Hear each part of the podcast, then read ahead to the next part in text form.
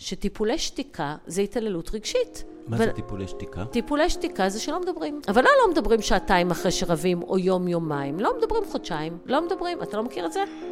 חודשיים לא, זה נשמע לי המון. אז אולי אתה לא נרקסיסט. לא, אני לא.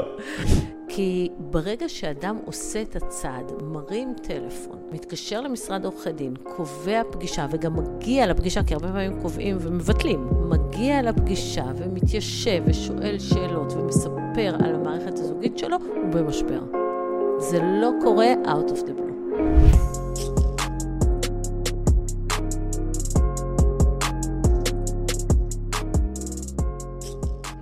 ברוכים הבאים לפודקאסט של uh, הפתרון הבינארי. אנחנו מארחים היום את עורכת דין רות דיין וולפנר, מומחית לדיני משפחה. בפרק כפול, אנחנו מארחים אותה והיא מארחת אותנו. אני מקווה שתהנו. שלום גל, שלום, שלום. מה שלומך? מעולה. מה זה העניין הזה של הקרמה? תסבירי לי את של ה- הקרמה? כן, תסבירי לי את זה. אז זה הסביר לך נהג ריקשה בהודו, סיפרת לי, לא? כן, אבל את יודעת, זה הוא הסביר לי לפי התפיסה האינדית. נו, מה זה לפי התפיסה האינדית? התפיסה האינדית של הקרמה אומרת שמה שיהיה זה טוב. הוא הסביר לי שהוא תפס את השאלה בתור שאלה של איך הגבר צריך להתייחס לאישה. אז זה, ככה זה, זה, זה, ככה הוא הבין את זה. אז זה היה מין הסבר כזה שהוא לא קשור, אבל בהקשר הזה של, אנש, של, של זוגיות, של uh, מערכת יחסים, של פרידה, מה המשמעות של זה? אני, קודם כל, זה קרמה זה בכלל, זה לא קשור לפרידה או לזה. קרמה זה בעצם התוצאות של כל המעשים שלנו, המילים שלנו והכוונות שלנו. אז אם אתה עושה טוב, בסופו של דבר כנראה תקבל תוצאה טובה. לא, לא תמיד זה מיידי, לא תמיד זה... ב, אתה רואה יחס ישיר בין המעשה לתוצאה, לפעמים זה בשוטף פלוס עשר שנים, אבל בדרך כלל אם תעשה רע, תקבל רע, ואם תעשה טוב, תקבל טוב. זה קרמה. הבנתי. מה זה תודה. בכלל הפתרון הבינארי? הפתרון הבינארי זה שיטה לקבלת החלטות, שעובדת גם בפתרון של מחלוקות, והיא עובדת גם בקבלת החלטות בקבוצה. באופן תמציתי זה אומר שאם אני ואת ננהל שיחה, שרק שאלות קצרות של כן לא, והצד השני מותר לו לענות מותר לו לענות רק כן או לא, אז אנחנו נגיע לפתרון היעיל. אם נתקדם בכך שנסביר את המחלוקות, זאת אומרת, אם אני שאלתי שאלה ואמרת לא, אז ת- נתקדם על ידי זה שכל אחד מאיתנו יסביר את עמדתו בדיוק באותו אופן. שאלה קצרה של כן לא, ותשובה מהצד השני. זה שיטת גישור, זה שיטה לקבלת החלטות, וזה גם שיטה לקבל את הרוב בקבוצות. וואי, זה נשמע לי תיאורטי לגמרי. אה, זה לא תיאורטי בכלל, כי אז בוא נתאמן על זה. בשמחה, תסביר לי. בשמחה. קודם כל, צריך להבין שכרגע יש אה, אפליקציה בטלגרם שאפשר לתרגל את זה. אתה יכול רק לשאול שאלה בטלגרם בקצרה של 144 תווים, והצד השני יכול רק להשיב כן או לא בסקר. ו... מה, כש- זה קבוצת טלגרם? זה קבוצת טלגרם, אבל זה יכול להיות קבוצה זוגית. ולמשל ניהלתי גישור ככה, של אה, אה, נושא של ספאם. והצדדים אה, הגיעו להסכמה, בסוף נשארה שאלה אחת. העיקרון שעומד מאחורי זה, זה שאם ננהל שיחה כזאת, אנחנו נבין הכי מהר על מה אנחנו רבים, או איך לקבל את ההחלטה, ובסופו של דבר, כשיישארו לנו בכל סכסוך שתיים, שלוש שאלות, כמו שקורה בכל סכסוך בבית משפט, אז או שנדע לפתור אותם כבר, או שנעביר אותם להחלטה של שופט, רק כן או לא. או של בורר, או של שלושה בוררים. זה נכון חמישה. גם בתחום דיני משפחה? בוודאי. בוא תדגים לי. זה נכון גם במצב של אה, אה, דו-שיח זוגי בבית. אז בוא נתחיל דווקא מזה. בשמחה. האישה רוצה לנסוע לטיול בארצות הברית, והבעל מעדיף את יפן. מעולה. אז השאלה הראשונה זה רוצה לנסוע לארצות הברית, לא. ואת תגידי לי רוצה לנסוע ליפן, ואני אגיד לא. ועכשיו אני אתחיל להסביר למה אני רוצה לנסוע לארצות הברית. ואני אסביר יש לי משפחה בארצות הברית, לא ראיתי אותם כבר שנתיים, ואת המשפחה שלך שנמצאת פה בארץ אנחנו רואים כל יום, ולכן אני מציע שניסע לארצות הברית וניסע ליפן בשנה הבאה. כן או לא? לא. אני מציעה. שניסע ליפן השנה, כי מזמן לא היה לנו חופש ביעד מגניב, ואתה יכול לנסוע לבד למשפחה שלך בחגים. אה, האם זה אומר שאת לא מעוניינת לבוא למשפחה שלי? כן. זה אומר שאת לא מעוניינת. לא מעוניינת. Okay. לא אוקיי. מעוניינת. זה הפתעה בשבילי, כי אני חשבתי שאנחנו עד היום, היה לנו אה, נוח ללכת אחד לשני למשפחה, וזה די מפתיע אותי. לא, פשוט אני... האם שינית את דעתך? לא, לא שיניתי דעתי, אבל אני רוצה ליפן. אנחנו ניסע ליפן. אני מוכן לנסוע ליפן, אבל לא בשנה הבאה, בעוד, לא בעוד... מתי רצית לנסוע ליפן? בקיץ. בקיץ הזה, ובקיץ הזה אני רוצה לנסוע לארצות הברית, ובמחלוקת הזאת שאנחנו נמצאים בה בסיטואציה שיש פער, את צריכה להסביר למה את רוצה לנסוע ליפן, ויכול מאוד להיות שבסוף אנחנו לא נצליח להגיע להחלטה הזאת, כי כל אחד רוצה את מה שהוא אה, אה, מתבצר בעמדתו, אבל בגדול כאן מגיע שלב מוקדם. ואז עולה השאלה, האם אנחנו בכלל רוצים לפתור את זה?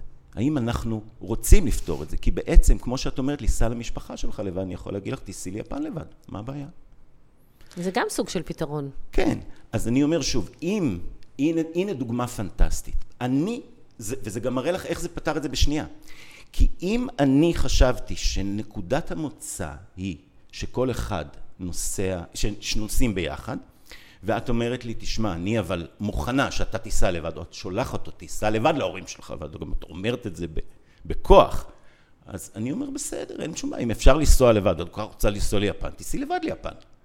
אז בגדול כרגע... ואז יש... מה זה אומר על הזוגיות שלנו? בואו נתחיל טיפול זוגי. או, תראי, אז אני, אז אני אגיד לך משהו מעניין על העניין הזה של הזוגיות. כי בעצם הרבה מאוד מהבעיות נובעות מנקודת המוצא, מחוסר הבנה. והנה דוגמה איך התהליך הזה בשנייה וחצי מראה לך איפה הפער. הוא מראה בפער, בפער בציפיות. את הבאת לי עמדה שאומרת תיסע לבד, כשאני חשבתי שאנחנו ביחד. אז אם אני, דרך אגב, זה לא חייב להתנהל סימונטנית, זה לא חייב להתנהל בשיחה, כי בעצם אני יכול ללכת לחשוב, תני לחשוב, אני אחזור אלייך מחר. אבל אם אני חוזר הביתה ומבין, אוקיי, יש פה מצב חדש. עד היום חשבתי שאנחנו ביחד נוסעים, ועכשיו אמ, אמרת לי, סע לבד, אז אני יכול להגיד, או, יש פה משהו מעניין, אולי יש פה חוויות שעוד לא חווינו בזוגיות. זאת אומרת, אפשר לייצר פה נפרדות. עכשיו צריך להבין, כל הדבר הזה של שיח בתוך סכסוך הוא שיח מתוך מצוקה. ולכן מאוד קשה לייצר את השיח הטכני. ופה הפתרון בינארי עושה עבודה מצוינת, כי הוא בעצם מוציא את האיש מהבעיה. הוא מעביר את השיח לעניין טכני, שאפשר ל- ל- לראות אותו קורה. אבל ב... לפחות בסכסוכים בתחום שלי, די קשה לנתק את הרגש ולהפוך את הסכסוך לעניין טכני. כי בדיני משפחה, אם זה היה רק טכני, קודם כל לנו לא הייתה עבודה, אבל זה בסדר. אה, היינו רק עושים גישורים ופותרים את הבעיות. ואנשים לא מצליחים לפתור בעיות בגלל שיש פה את האלמנט הרגשי שהוא מאוד מאוד חזק, ובלעדיו כן, בלעדיו אין בעיה לפתרון בינארי. ואיפה אתה יכול להכניס פתרון בינארי? כשיש לך אלמנט רגשי כל כך חזק. קודם כל, בכל סכסוך יש אלמנט רגשי. בכל אה, מצב שבו אני מבפנים רוצה משהו אחד, חי בעולם אחד, אני חושב שאנחנו נוסעים לחו"ל ביחד, ופתאום הבן זוג אומר לי, סע לבד. טוב, זה רגש. לא, אז אני אומר, אז תמיד, תמיד יש, הרגש הוא, הרגש הוא תמיד כפול. ברגע שנפער פער, כל פער, כל מצוקה, כל מצוקה היא פער בין רצוי למצוי. ולכן ברגע שנפער פער כזה, ברגע שיש מצב של מחלוקת, אז ה, ה, ה, אה, יש לנו משימה להתחיל ולסגור אותו, והוא תמיד מלווה ברגע הראשון במצוקה. צריך להבין, אנחנו מתנהלים בשגרה, ופתאום מגיעה בשורה. אני מנהל איתך שיחה, אנחנו נסענו עד היום ביחד, ופתאום את זורקת לי, סע לבד. אני במצב הזה מתכווץ. אני צריך לדעת איך להתנהל, ואין כלים. את צודקת. הסיבה שאנשים לא יודעים לפתור את המחלוקות, כי אין להם כלים לפתור מחלוקות, ויותר מזה, המערכת לא תומכת בפתרון, היא תומכת בסכסוך, לא בפתרון. איזה מערכת? מערכת המשפט. זאת אומרת, בעצם, כאשר אתה מתחיל את הסכסוך, והוא עובר ממצב של ריב, או של לא מדברים, אני רוצה רגע לעצור, לשקול את צעדיי, לחשוב מה לעשות, מתחיל לחשוב על הצעד הבא, על מה יקרה, אני הולך להתייעץ אולי. ואז ברגע שאני הולך להתייעץ, נכנס גורם שמקלקל את התהליך, וזה אותו אה, מסע תלאות שהולכים לעבור עכשיו, אם אנחנו ניכנס ל, לריב. עכשיו, תארי לך מצב שזוג נכנס לתוך מערכת יחסים, שהוא יודע בכל רגע נתון מה יקרה לו בצד השני. זאת אומרת, יש את הפטנט הפשוט. הפטנט הפשוט זה הסכם למגירה. אז היום יש הסכם יחסי ממון, נכון? שאתה חותם לפני הנישואים, והוא בדרך כלל עוסק ברכוש.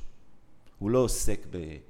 במשמורת, הוא לא עוסק בהסדרי ראייה. גם רק חלק קטן מהאנשים חותמים על הסכמי ממון. נכון, נכון. אז אתה מצפה שאנשים יתחילו כשהם בסדר ביניהם לעשות הסכמים ביחס לכל הדברים? אני, אני חושב שזה היה פותר הרבה מאוד בעיות, וגם לפעמים, לא לפעמים, אבל ב, ב, ב, מה שקורה זה דבר כזה.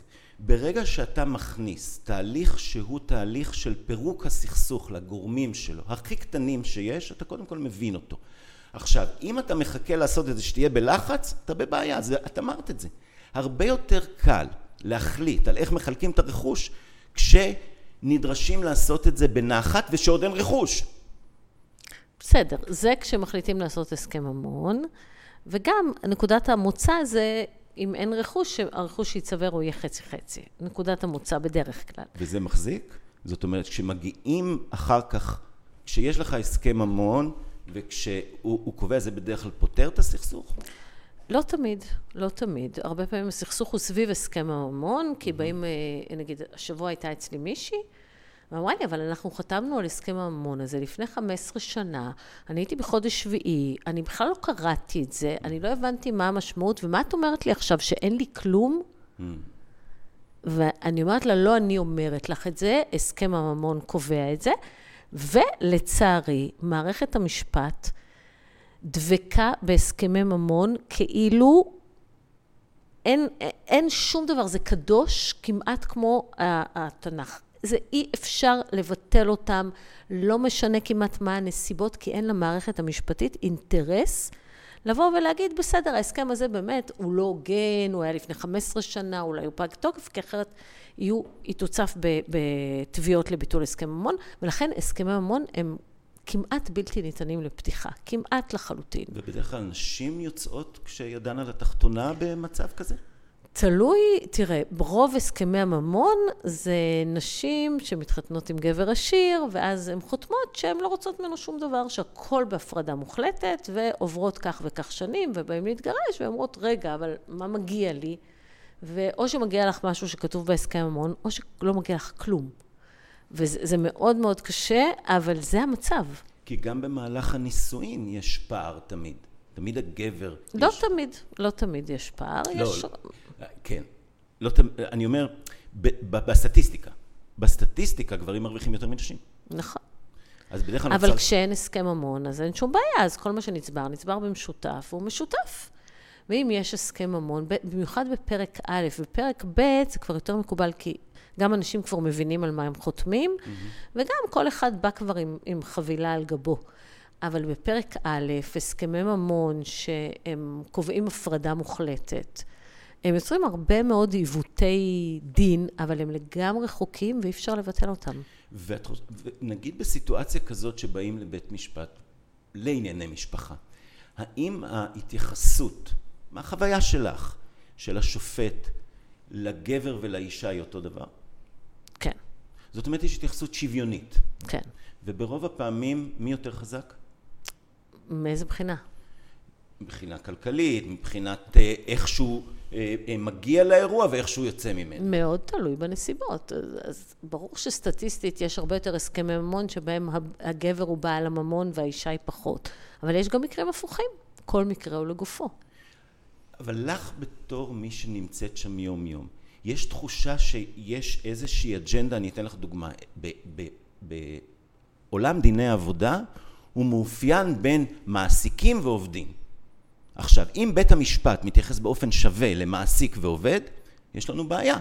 נכון, כי העובד הוא יותר חלש. בדיוק.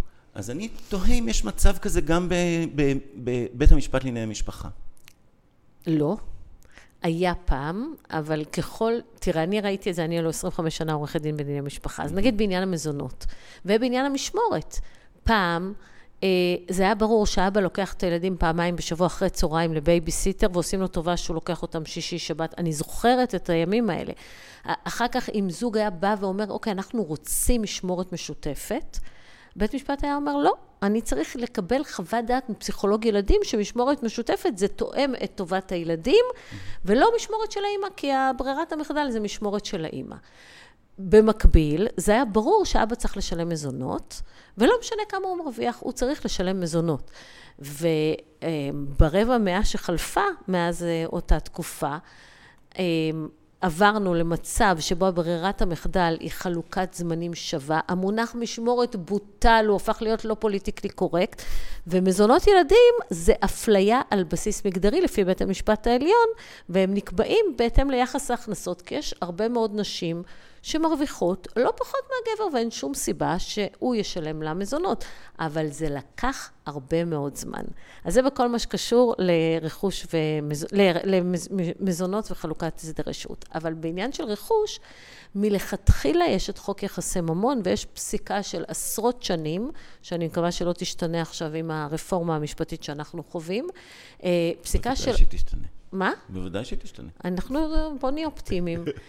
אה, פסיקה שהביאה לשוויוניות ושוויוניות, וחוק יחסי ממון שחוקק אה, ב-1973, אה, קבע שוויון מלא בין בני זוג, ולא משנה על שם מי נרשמו הנכסים. והפסיקה גם הכירה בנכסי קריירה, זאת אומרת, אם הבעל עושה קריירה והאישה פחות, גם אם היא לא יושבת בבית ועקרת בית, אלא עובדת בעבודה עם אופק אה, תעסוקתי הרבה פחות מוצלח, היכולת השתכרות שלו נחשבת לנכס משותף. אז זאת... איך, זה, איך זה משפיע אחר כך? זה מקבל מספר. יכולת השתכרות מקבלת מספר כספי שהגבר משלם לאישה. וזה אה, המזונות? לא, מה פתאום? זה, זה בחלוקת הרכוש? כן. הבנתי. זאת אומרת, בעצם יש סוג של היוון? אה, של, של היכול... הרי תראה, מה זה יכולת השתכרות? יכולת השתכרות, אני מרוויח 20 אלף שקל בחודש. יש נוסחה, יש נוסחה, אה, יש כמה נוסחאות. אה, אחת מהן למשל זה אחוז לכל שנה כפול איזושהי תקופה, לכל שנת נישואים, אחוז מהפער לכל שנת נישואים, לתקופה מסוימת שהיא בשיקול דעת. אי אפשר לצאת מזה, זה לא המון כסף, אבל זה בהחלט יכול להגיע לכמה מאות אלפי שקלים. זאת אומרת, בעצם את אומרת שיש נוסחה ש... אם נניח הייתי יכול להציג אותה, בואי נניח דבר דמיוני לגמרי, בסדר? יש לנו מסך בבית שמציג לנו את הנוסחה הזאת בכל רגע נתון. יש לנו היום כלים טכנולוגיים בלתי מוגבלים. זאת אומרת, אני יכול, יכול לתת לי מישהו דבר כזה, ואני יכול להגיד, אוקיי, אני האישה עקרת בית, הגבר עובד, עובד מרוויח ככה, ולכן הפער הוא כזה וכזה. לא על התמונה, אלא במחשב. ואז האישה יכולה לקבל בכל רגע נתון את ה... מה, מה עומד לקרות, ואז אותה אישה שדיברת עליה קודם, שהיא אה, מגיעה אחרי שנות נישואים לפרידה ואין לה מושג מה עומד לקרות וחוטפת את הבומבה, היא בעצם עומדת ב, ב, מול שוקת שבורה, היא גם אין לה עבודה וגם היא עכשיו אה, לא יודעת מה, מה היא הולכת לקבל. ויכול להיות, לפי מה שאת אמרת, שאם היא הייתה יודעת לא בחודש שביעי, שאז היא חתמה על ההסכם יחסי ממון, אלא אחרי שהילד בן חמש, או אחרי שהיא נמצאת קצת יותר חזקה במערכת היחסים, שהיא עומדת לקבל כלום, היא הייתה דופקת על השולחן ואומרת, אני רוצה לשנות את זה עכשיו. תשמע, זה תיאורטי לחלוטין. תיאורטית באיזה מובן? במובן הזה במובן שאנשים שזה- לא מתעסקים בפרידות כשהם... אנשים לא מתעסקים בפרידות. בגלל זה, דרך אגב, מעט מאוד זוגות עורכים הסכם ממון. אמנם יש יותר ויותר מודעות לזה, אבל גם חלק גדול מהזוגות, כשהם מתחתנים, הם מאמינים שזה לנצח. אבל האם את יכולה להגיד שנגיד אישה, או אה, לאישה, יותר טוב אה, הסכם יחסי ממון, או בלי יחסי, הסכם יחסי ממון? זה תלוי מה המקרה. זה מאוד תלוי מה המקרה. אני, זה לא קשור למגדר. אני מסרבת לקבל שזה תלוי מגדר, האם לעשות הסכם ממון או לא. זה מאוד תלוי במקרה. יש אישה שהיא מאוד מאוד מצליחה, ושהיא באה עם הרבה מאוד נכסים משפחתיים, ודווקא היא תדרוש את ההסכם ממון. זה לא קשור ל- למגדר. אני מבין את הפער. הנה תראי דוגמה לפער בין תפיסה שמסרבת להכיר במגדר לבין זה שנגיד בעולם של מערכת התעסוקה, נשים מרוויחות באופן קבוע בין 25% ל-35% פחות מגברים. אבל אתה מדבר על סטטיסטיקה. נכון, אבל הסטטיסטיקה... ומה מה עם המנהלות הבכירות? מה עם העצמאיות? מה עם המעסיקות? אני מעסיקה של אה, לא מעט אנשים, משלמת להם שכר, אז, אז, אז אני בסטטיסטיקה הזאת? לא. קודם כל, זו שאלה מצוינת. אני אגיד לך משהו. קודם כל, הסטטיסטיקה לא עובדת מספרים קטנים, אין מה לעשות. אבל אה, אני אתן לך דוגמה. הייתה... אה, אה, אני הייתי שותף להגשה של תביעה ייצוגית ראשונה בארץ בנושא מגדר. פערי שכר מגדריים. ולא אני הגשתי אותה בסופו של דבר, אבל התיק היה אה, אה, תלוי ועומד. עכשיו, הסטטיסטיקה במקומות העבודה הגדולים, מאות עובדים ומעלה, היא קבועה. אין, אה, אין הרבה מה לזוז, ובייחוד בשירות הציבורי, וזה היה נגד עירייה. ובסיטואציה הזאת של, של פערי השכר, יש אה, אה, מובהקות לעובדה שאישה שעומדת להיכנס למקום העבודה, היא רואה מולה תמונה שגברים מרוויחים ככה ונשים מרוויחות ככה. זאת ההזדמנות. ולכן השאלה היא של שוויון הזדמנויות ולא של הביצוע בפועל. מדוע? כי יש נשים מנכ"ליות ויש נשים שהן סמנכ"ליות ויש, בעיקר סמנכ"ליות כוח אדם. ויש, אה, אה, סתם, סתם, אני אומר, כי, כי לא, לא, לא בכיוון הזה של אה, נגיד הבעיה המגדרית, וגם אני רואה את האופן שבו את מתייחסת. אבל המצב הוא כזה, אם מסתכלים סטטיסטית, שהפערי שכר, המשמעות שלהם, שאישה עושה דרך יותר קשה. ברור. לכל תפקיד היא עושה דרך יותר קשה, וזה מתחיל בפערי השכר. זה מתחיל ב, ב, בעובדה הזאת שאתה מסתכל ורואה שאם יש אישה שהיא מנהלת כספים, אז אני מבטיח לך, אני אסביר את מה שאמרתי, כי אני בדיוק מתכוון הפוך למצב שבו אני אומר שזה המצב הראוי. יש הרבה יותר מנהלות כוח אדם מאשר מנהלות כספים למשל, או מאשר מנהלות תפעול. הרבה, אז זה, זה לא אומר שאישה לא יכולה להגיע מנכ"לית של בנק, גם הגיעו. נכון. אבל, אבל... כמה נשים הגיעו לזה? כמה. אבל צריך להבין שבתעסוקה התפקיד של אישה הוא חי לפי סטנדרטים שהם ברובם גבריים.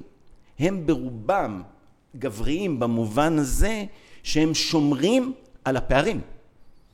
ואני אתן לך שוב דוגמה. אנחנו ביקשנו נתון פשוט. תנו לנו את שכר הגברים הממוצע לעומת שכר הנשים הממוצע. לא היו מוכנים לתת. אף אחד מעשרות מעסיקים שפנינו אליהם באמצעות שדולת הנשים, שאני עובד איתם בשיתוף פעולה, לא רצו לתת את פערי השכר המגדריים. לכן כשאני מדבר על המצב בבית, המצב הפרטני לך, בעולם שלך, והנה עוד שינוי תפיסתי, האישה היא מאוד חזקה, את מנהלת. לא נכון. אז תסבירי. אני לא מקבלת את זה. אז תסבירי. אני פשוט אומרת שכל משפחה, יש לה את הסטנדרטים שלה, ודיני משפחה, בניגוד לדיני עבודה, או לסטטיסטיקות, או, או לכל הדברים האלה, לכל מקרה ולגופו. לכן אני לא יכולה לבוא ולומר, לנשים תמיד כדאי לא לעשות הסכם הון, או לנשים תמיד כדאי לעשות הסכם הון, כמו שאני לא יכולה לומר, לנשים כדאי להיות בבית משפט לענייני משפחה, ולגברים בבית הדין mm-hmm. הרבני, כי הרבה פעמים דווקא המצב הפוך. ולנשים כדאי להיות בבית הדין הרבני, כל מקרה לגופו. צריך להבין טוב טוב את המצב העובדתי. של הזוג הספציפי הזה. אי אפשר לתת עצות גנריות, מגדריות, בדיני משפחה. אבל הזוג עצמו, כשנמצא בזוגיות וחי את השגרה שלו, הם יודעים מי מבחינה כלכלית יותר חזק, יותר חלש, יכול להיות שהאישה יותר חזקה, אבל הם יודעים את זה. גם יכול להיות שהם התחילו שהגבר יותר חזק, וזה השתנה. כן, השינויים זה אחד הדברים הבעייתיים. זה ב... לא בעייתי, זה לא. אני דווקא חושבת שזה מדהים, לא, לא. שאנשים לא. מתפתחים. כן, כן, אבל אני אומר לזוגיות, שינוי בתוך הזוגיות של אחד מהצדדים, הוא קצת מערער את הקשר. או שגדלים ביחד, או שזה מתפרק.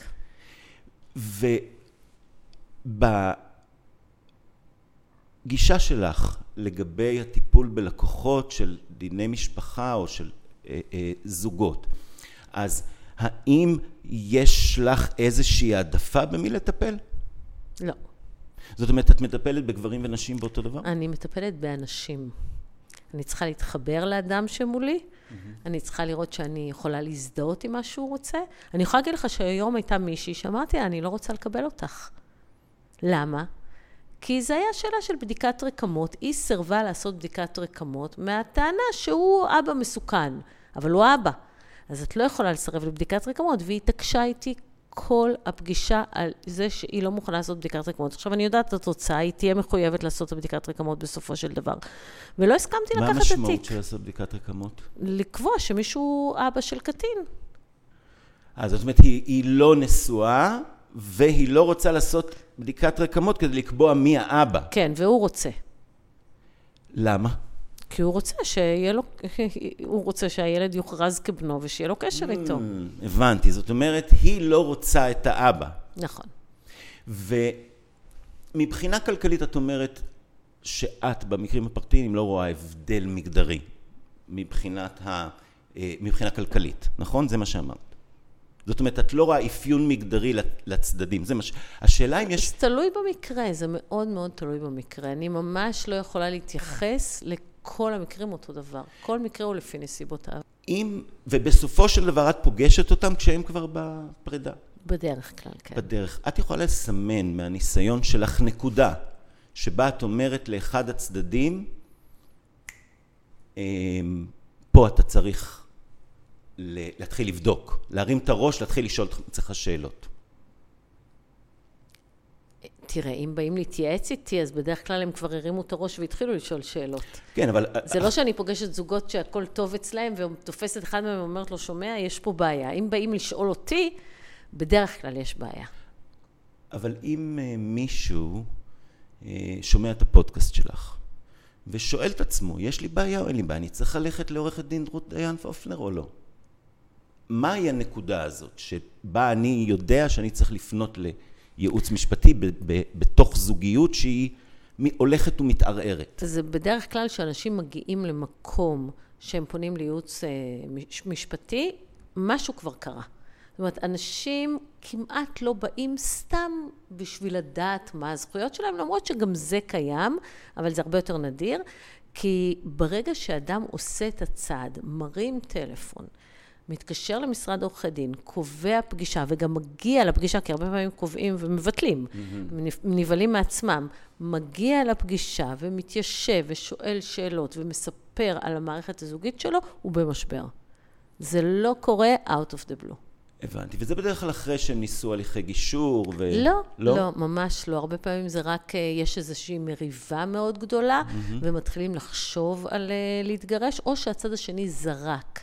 כמה פעמים, לפעמים זורקים פעם אחת וזה מספיק בשביל לפנות לייעוץ, ולפעמים זה, זורקים את זה יותר מדי פעמים, ולפעמים לא זורקים כלום, אבל מישהו נוכח לדעת שיש איזשהו שינוי התנהגותי, ומרגיש מרחק, מרגיש שמשהו לא תקין, מרגיש שמשהו מתרחש מתחת לפני השטח, ומחליט לבוא, אבל זה יש משבר. תמיד זה, זה מגיע במשבר. הבנתי. ו, ואיך, אה, אני ראיתי שאת מדברת הרבה על נרקסיזם בתוך מערכות יחסים. נכון. ומה המשמעות של, ה, של המונח הזה ב... איך, איך זה נכנס? יש גם נרקסיסטיות? בטח, בטח. וב, וזה... אני, אני... לא שווה, לא שווה. אה, או, הנה, סוף סוף הגענו למשהו שהוא לא שווה. סטטיסטית, 75 אחוז הם גברים ו-25 אחוז הם נשים. ודרך אגב, ראיינתי פה בפודקאסט את דוקטור ליאת יקיר, והיא נתנה לזה הסבר ביולוגי, שקשור להורמונים. אה, שילוב של קורטיזול וטסטוסטרון, אבל אני לא מומחית בזה, אז אני לא אחזור לזה. בעיקרון, נרקסיזם זה, יש, זה רצף. Mm-hmm. של נע בין קווי אישיות נרקסיסטיים, שהם לא בהכרח דבר רע, לבין הפרעות אישיות נרקסיסטית, שהיא דבר מאוד קיצוני ומאוד לא פשוט, הפרעה. אה, וקווי אישיות נרקסיסטיים, אתה יודע, זה אנשים שהם כריזמטיים, שהם מתים על עצמם, שאוהבים לדבר, שאוהבים שיראו אותם, וזה לא דבר רע.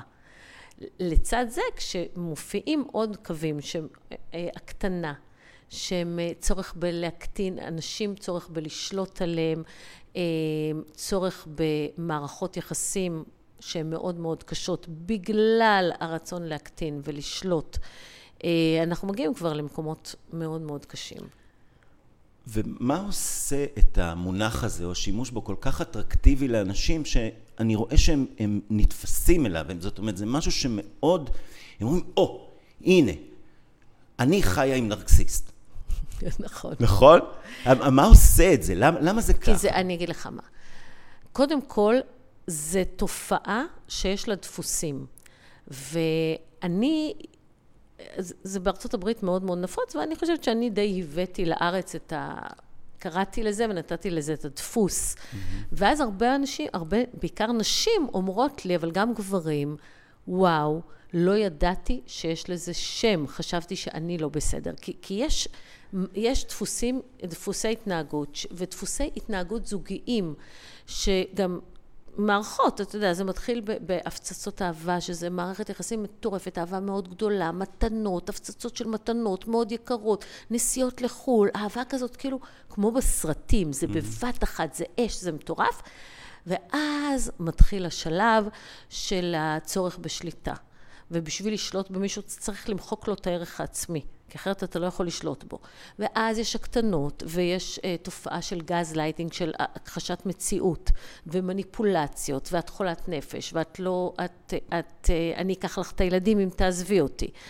וכל הדבר הזה של הדפוס התנהגות של מערכות יחסים נרקסיסטיים, מסתבר שזה דפוס. אבל כל אחד שנמצא בתוך הגיהנום הפרטי שלו, חושב שהוא... זה רק הוא, ואולי משהו לא תקין אצלו. ושאנשים מבינים שזה דפוס התנהגות, וזה מדהים כמה זה דפוס התנהגות, וכמה זה חוזר על עצמו בהרבה מאוד וריאציות, אה, וכמה אנשים אומרים את אותו דבר. זאת אומרת, זה מדהים לראות גם בהליך משפטי. את מחליטה שאת רוצה להתגרש, את לוקחת ייצוג, עורך דין או עורכת דין, את באה הביתה, הנרקסיסט יגיד לך למה לקח עורכת דין, היא תיקח לך את כל הכסף, היא תיקח אותך למלחמה, את תישארי בלי כלום, היא תיקח לך את הכסף של הילדים.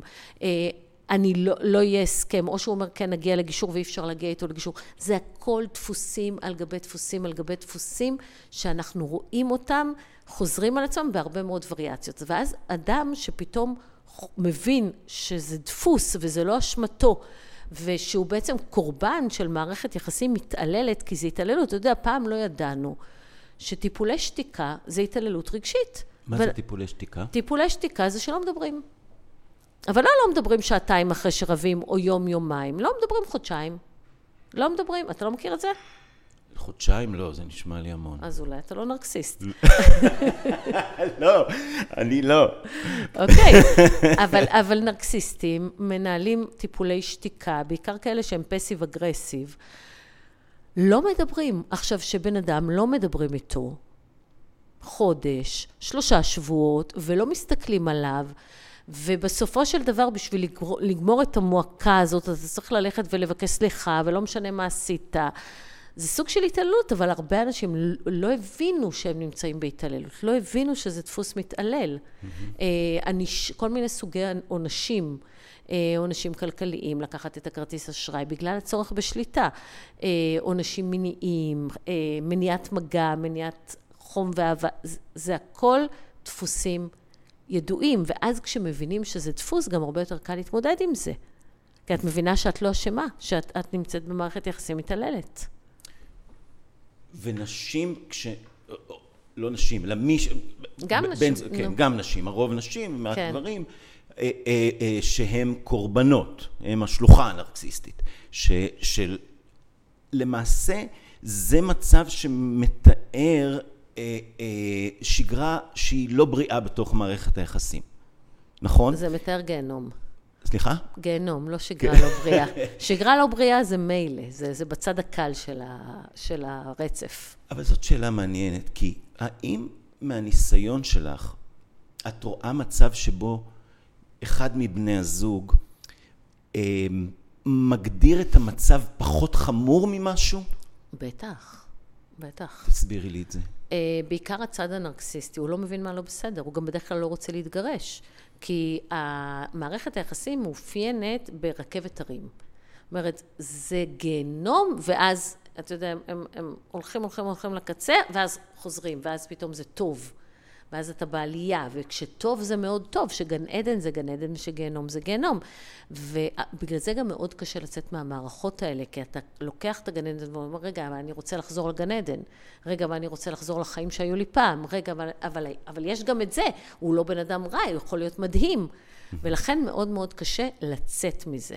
והצד המתעלל הוא, הוא בטוב, הוא בשליטה מוחלטת על המצב. אה, הוא יכול להפסיק את זה מתי שהוא רוצה, הוא יכול לעשות את זה מתי שהוא רוצה, ולפעמים גם הצד המתעלל מחליט לסיים. זאת אומרת, בעצם את אומרת שיש מי שנמצא בתוך מערכת יחסים נרקסיסטית, הצד הסובל, יש לו לפעמים נקודות אור כאלה שמחזיקות אותו. יש הרבה נקודות אור. ואז איך, איך מחליטים מה העיקר? איך מחליטים מה הנכון? זאת אומרת, אני חי במערכת יחסים, יש, כמו שאת אומרת, שבוע, שבוע, שבוע, כמו במטבח. כן, שבוע טוב, שבוע לא טוב. אז אולי זה טוב? כשזה טוב זה טוב, כשמישהו לא יכול לשאת את זה יותר, בעצם, בעצם באיזשהו שלב חלה הידרדרות ונהיה יותר רע מטוב. ואז באיזשהו שלב, או שבן אדם הולך לטיפול ומבין שהוא נמצא במקום מאוד לא בריא, או שהתמלאה החבית שלו, והוא לא מוכן יותר לשאת את זה, אז, אה, אז זה, זה מתפרק.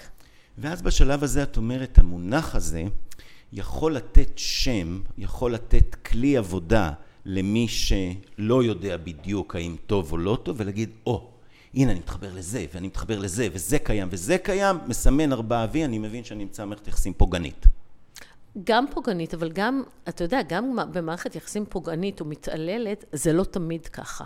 זאת אומרת, אתה יכול לחוות אירועים קשים, אתה יכול לחוות מריבות שהן סוג של התעללות, ואחר כך להשלים ולחזור ולקוות לטוב, כי בסוף מה שמחזיק מערכת יחסים זה התקווה, שהדברים יהיו עוד יותר טובים. כן, הת, התקווה זה, יש תופעה, יש אה, הטיה רציונלית שנקראת אופטימיות נאיבית. מכירה את זה? זה הטיית האופטימיות. כן, עכשיו זה מרתק, כי אם, זה בדיוק כמו העניין שדיברנו עליו קודם, בסטטיסטיקה, תראי איך הסטטיסטיקה משנה את העניין. אם אני חושב שמצבי יהיה יותר טוב מהממוצע, אז אני סבבה, וזה גם הגיוני וסביר. אבל אם הרוב חושב שמצבם יהיה יותר טוב מהממוצע, זה אמירה שהיא לא הגיונית. כי הממוצע זה הממוצע. ואז המחקרים הוכיחו שהרוב חושבים שהמצבם יהיה יותר טוב מהממוצע. נכון. וזה עשוי להשאיר אותנו מערכות יחסים שהן לא טובות לנו. כן. נכון. ולבזבז לנו זמן. אבל תראה, הטיית האופטימיות היא, היא בכל דבר, זאת אומרת, רוב האנשים שמתגרשים בטוחי, סליחה, רוב האנשים שמתחתנים, משוכנעים שהם מת... לעולם יישארו נשואים, אפילו שהסטטיסטיקה מראה שאחד מכל שלושה זוגות יתגרש. ובפרק ב' אחד מכל שתיים, ולמה בכל זאת מתחתנים? כי זה ניצחון האופטימיות על הניסיון. אז אנחנו, כמעט בכל דבר בחיים שלנו, אנחנו אופטימיים. אתה יודע, גם אתה מעשן. אתה לא חושב שאתה תמות, אתה חושב שאתה תהיה בצד הטוב של הסטטיסטיקה. אחרת לא היית יכול לזה, וגם אתה... לא יודע, אני דווקא די משוכנע שאני אמות. מתישהו. כן. אבל כתוצאה מסיגריות? אמ, עישנתי, אני מעשן מדי פעם, אז אולי כן. אוקיי, אז כן, אתה חושב שתמות לא מסיגריות? לא יודע, אני, אני מקווה אה, שיהיו לי עוד כמה שנים. אז אולי אתה לא לוקח בו את האופטימיות, אבל, אבל כן, אבל ברוב הדברים, זאת אומרת, רוב האנשים משוכנעים למשל שהילדים שלהם הם יותר חכמים מהממוצע, הם יותר מוצלחים מהממוצע, הם יותר יפים מהממוצע, רוב האנשים חושבים שיש להם כישורים חברתיים יותר טובים מהממוצע, אבל בסוף הם חלק מהממוצע. אבל, אבל ככה זה, זה, זה אני- זה גם. גם עורכי דין לדיני משפחה משוכנעים שהם לא יתגרשו כשהם מתחתנים. והם בסטטיסטיקה כמו כולם. כן, אני יודע את זה. כן. למה להתחתן בסיבוב השני? בגלל הטיית האופטימיות. כן? כן, אין שום סיבה. עכשיו שאלה שאני חושב שהרבה מאוד אנשים שנמצאים בתוך סכסוך משפחתי שואלים את עצמם. יש ילדים באמצע, וזה למעשה הדבר המרכזי בתוך הסכסוך, הדבר שצריך לשמור עליו. כאשר ילד אומר, כאשר אתה רוצה בתוך סכסוך להסביר לילד מה קורה, או להגיד לו אה, אה, איפה זה נמצא. ויש מצד אחד אימא שיש לה אג'נדה אחת, ואבא שיש לו כיוון אחר לגמרי, כי הם נמצאים ב... מה קורה כשיש בלאגן אנחנו מבינים, נזקים ואלוהים ישמור. אבל האם מהניסיון עתיר השנים שלך בבתי המשפט למשפחה ובסכסוכים משפחתיים, יש לך עצה להורים מה המסר לילדים במצב של סכסוך? של סכסוך, במצב של גירושים, אתה מתכוון, אמרת לא במצב של סכסוך... לא, אה, גירושים יכולים להיות גירושים טובים. אני, יש לי נכון. שני גירושים בלי עין הרע, אנחנו חוגגים כולנו ביחד, גם, ה- גם הראשון וגם השני. אבל יש כאלה שחיים בתוך הסכסוך, בתוך, ה, בתוך התופת, והילדים נמצאים שם.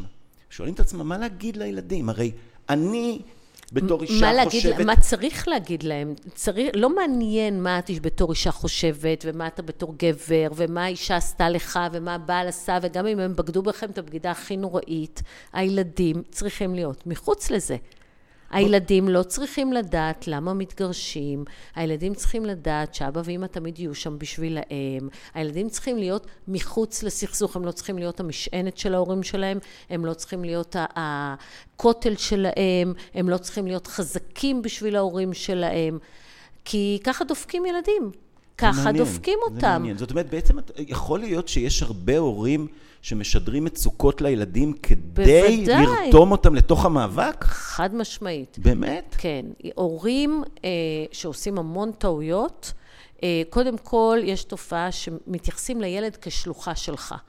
ואז אם הילד הוא חלק ממני, אין לי נפרדות מהילד, אז הוא גם לא יכול לישון אצל אבא שלו, הוא גם לא יכול להיפרד ממני, ואז יש לנו ארבע שנים תיק משמורת, ומלחמת עולם, ובדיקות מסוגלות הורית, כי בעצם לאימא אין נפרדות מהילד, בדרך כלל זה לאימא. או שיש שימוש בילדים כדי לפגוע בהורה השני, שזה, אני קוראת לזה אלימות באמצעות קטינים, שאחד ההורים מחליט להסית את הילדים כנגד ההורה השני. הוא אלים כנגד ההורה השני באמצעות הילדים, הוא גם אלים כלפי הילדים.